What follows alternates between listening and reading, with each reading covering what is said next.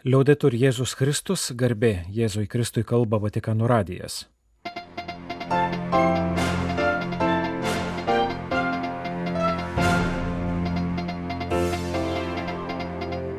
Malonus klausytojai šioje programoje. Popiežiaus Pranciškaus audiencijos. Šventasis tėvas atskiruose audiencijose prieėmė Vatikane akredituotus žurnalistus, sveikino vynininkų delegaciją, susitiko su žymaus italo pedagogo atminimui skirto komiteto nariais. Dar vienoje audiencijoje popiežius prieėmė Rytų Timoro prezidentą. Paskirtos kuniko Žako Amelio premijos žurnalistams.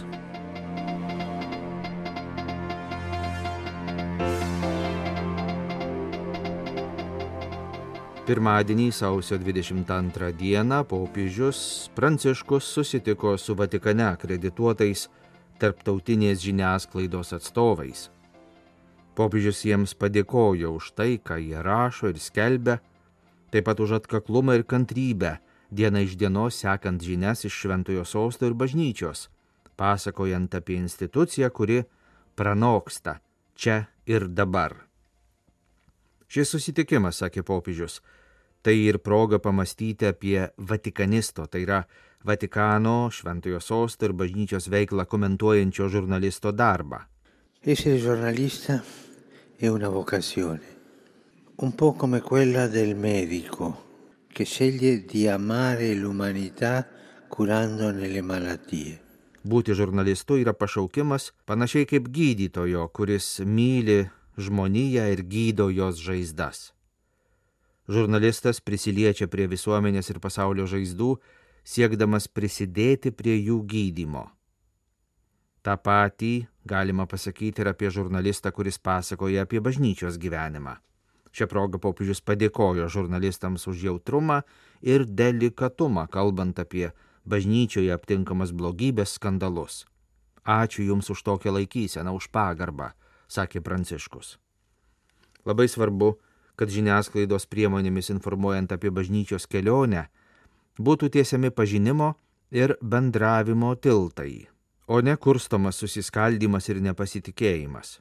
Žurnalisto darbas turi būti statomas ant tiesos ir atsakomybės uolos, o ne ant gandų ir ideologinių svarstymų smėlio.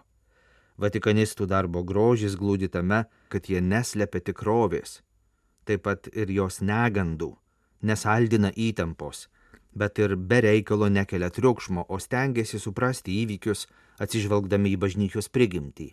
Tai labai naudinga Dievo tautai, paprastiems tikintiesiems visai bažnyčiai, kurie vis dar turi daug pasimokyti, kad sugebėtų geriau komunikuoti. Pirmiau liudyti, nei skelbti žodžiais. Bažnyčios gyvenimų žiniasklaida domisi nuo žurnalistikos istorijos pradžios. Didieji dienraščiai nuo seno turi korespondentus Romoje. Tačiau dabartinis Šventojo sosto ir pasaulio žiniasklaidos bendradarbiavimo formatas buvo sukurtas tik prieš šešis dešimtmečius. 1962 spalio 5-ąją, tai yra prieš pat Vatikano antrojo susirinkimo atidarimą, buvo įkurta Šventojo sosto spaudos salė, kuri vykdo dvi funkcijas - skelbia oficialią institucinę informaciją apie popiežiaus ir šventojo sosto veiklą bei suteikia akreditacijas tarptautinės žiniasklaidos atstovams.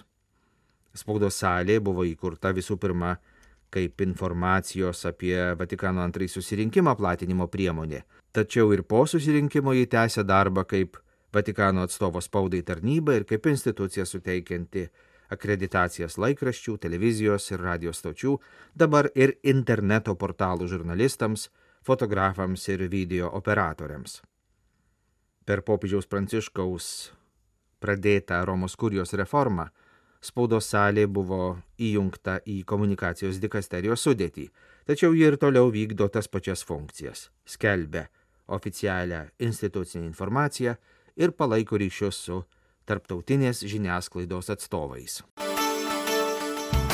Pirmadienio sausio 22 dienos ryte popiežius Pranciškus prieėmė Vinitalį, kone 60 metų Šiaurės Italijoje, Veronoje, rengiamos vyno mugės, sukviečiančios tūkstančių žemės ūkio bendrovių ir vyno gamintojų, restoranų savininkų, platintojų, ragautojų, vyno žinovų ir žurnalistų delegacija.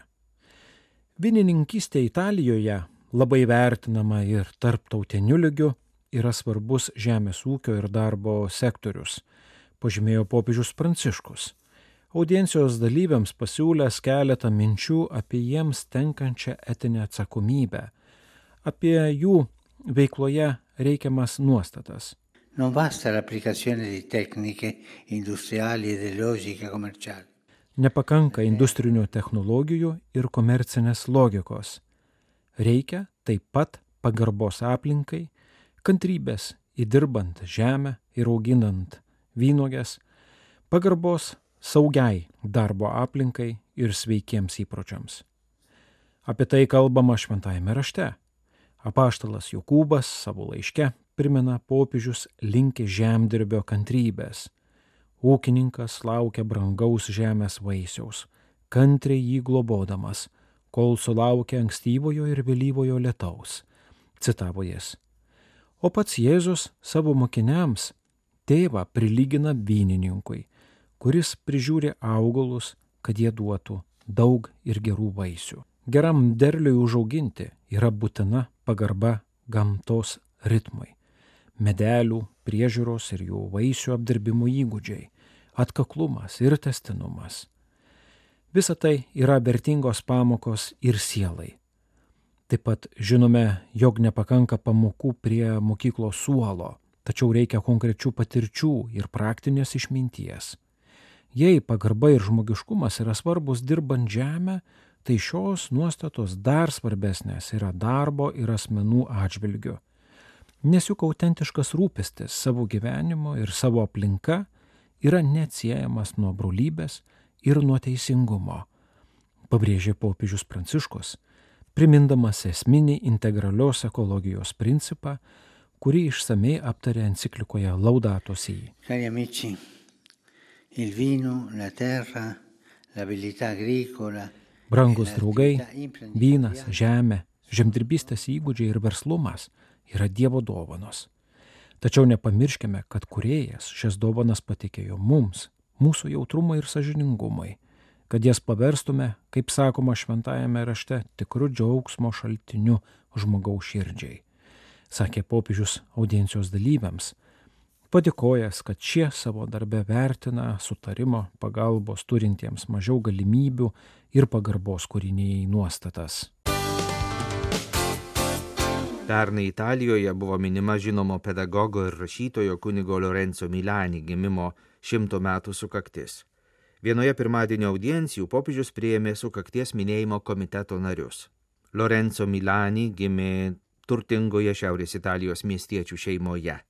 Būdamas 20 metų atsivertė į katalikybę ir įstojo į kunigų seminariją. Tapęs kunigu atsidėjo visuomenės paribiuose gyvenančio jaunimo ugdymui susirgęs vėžio lyga mirė sulaukęs tik 44 metų.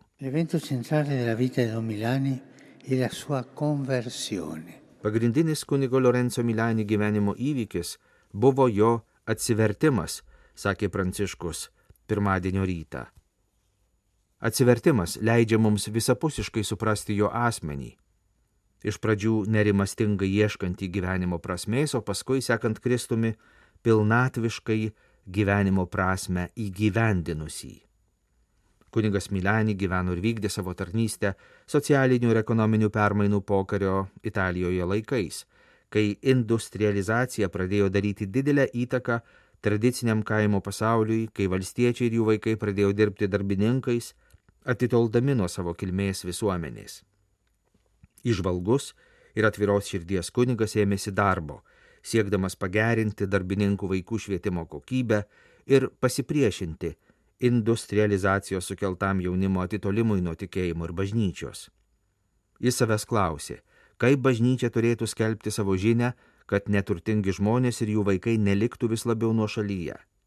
Su išmintimi bei meilė jis rado atsakymą švietime ir atidavė visas savo jėgas bei žinias, tarnaudamas tiems, kurie kitiems yra paskutiniai, bet Evangelijai ir jam buvo pirmieji. Cari fratelli sorelle, siamo qui a dire la nostra gratitudine Brangus broliai ir seserys, susirinkome čia išreikšti savo dėkingumą Lorenzo Milani, nerimastingam kunigui, ištikimam viešpačiui ir jo bažnyčiai. Dėkojame jam už liudymą, kurį jis mums davė kaip įpareigojantį palikimą, sakė Pranciškus. Pirmadienį sausio 22 dieną popiežius Pranciškus priėmė Rytų Timoro Demokratinės Respublikos prezidentą Jose Manuelį Ramosą Ortą.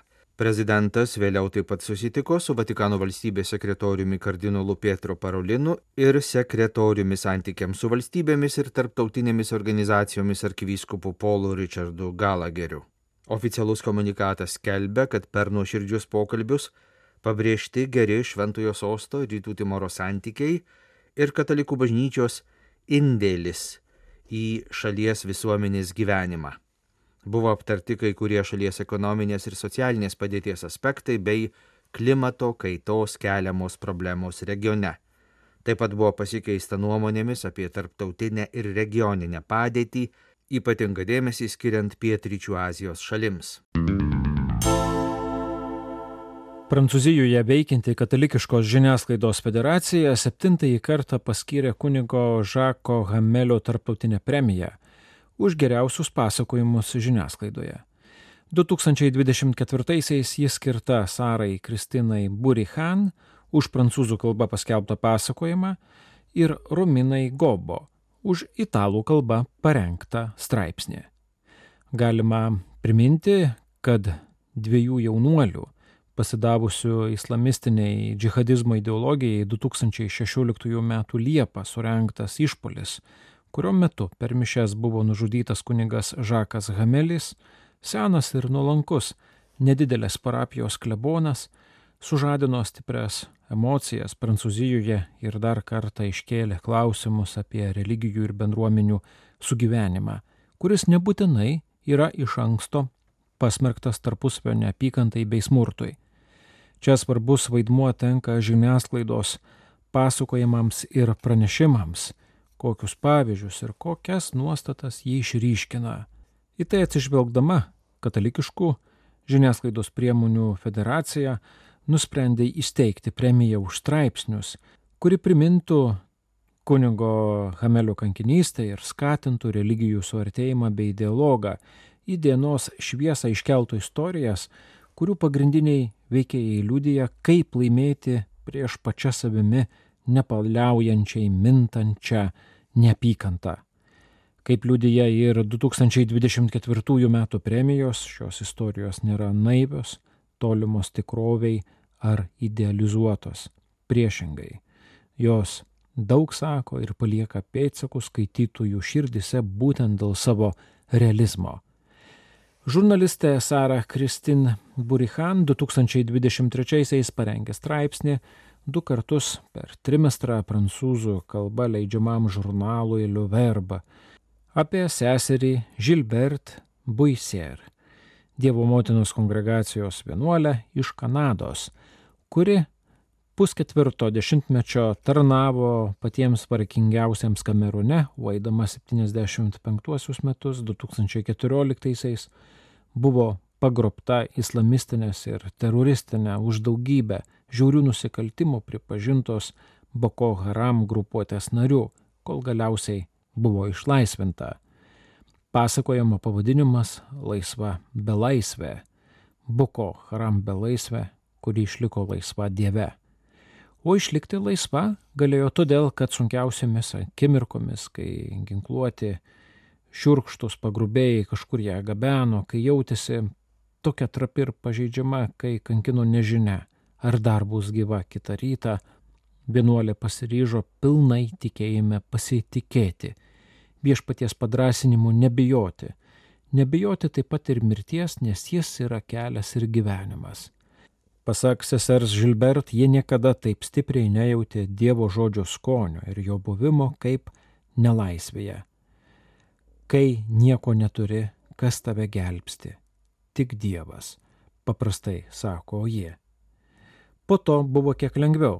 ji buvo laikoma kartu su kitais belaisviais, įskaitant du italų kunigus, galėjo kartu melstis ir iš atminties medituoti Evangelijos žodžius. Po dviejų mėnesių atėjo išlaisvinimo diena, po kurios sesuo Žilbert sugrįžo į saugius vienuolyno namus Kanadoje.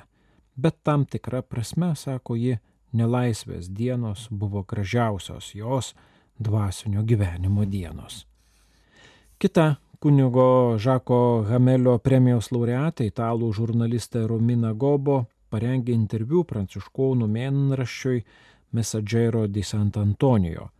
Jos pašnekovas 2018 m. Nobelio taikos premijos laureatas Denisas Mukwege, gydytojas iš Kongo Demokratinės Respublikos, ir Panzi, medicinos komplekso vadovas. Jis dirba itin chaotiškame ir pavojingame Kyvų regione, kuriame privačios karo lauko vadų ir sukilėlių kariaunos nustelbia valstybės pajėgas ir institucijas, o žmonių būtis labai skurdi. Šiame kontekste vyrauja didžiulis seksualinis smurtas, naudojamas ir kaip karo įrankis bei žmonių palaužimo priemonė. Tokiu būdu gydytojui Denisui Mokvege kuris rengėsi būti paprastu gynekologu, teko operuoti ir gydyti tūkstančius nuo prievartos nukentėjusių moterų. O kalbėdamas apie šios tikrovės priežastis, medikas ko ne neišvengiamai tapo ir žmogaus teisų aktyvistu. Kai 1999-aisiais atidarėme Panzi ligoninę Bukavu, ji buvo skirta gydyti sužeistiems kariai ir priimti gimstančius kūdikius. Kai pas mane atėjo pirmoji tokia pacientė, buvau sukrestas. Jos genitalijos buvo suniokotos, sudraskytos. Niekada neįsivaizdavau, kad žmogus gali taip toli nueiti ir padaryti tokį dalyką.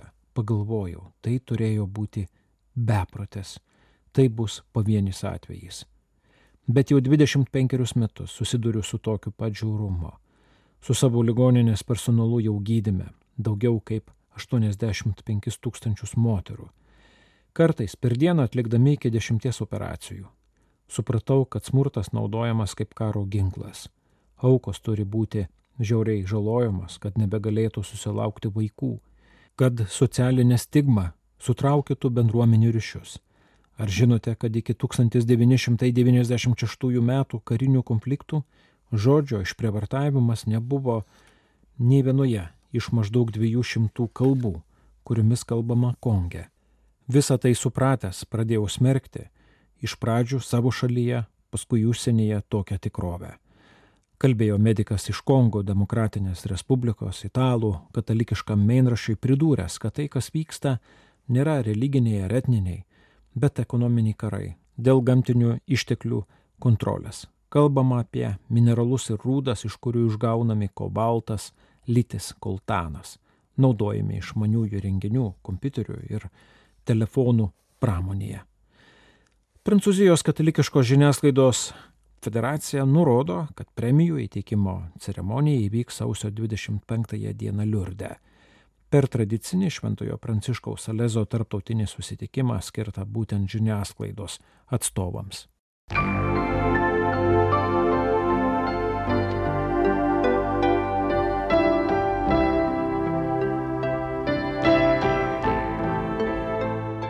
Malonus klausytojai laidą lietuvių kalbą baigiame. Kalba Vatikano radijas. Garbė Jėzui Kristui, liaudai turi Jėzus Kristus.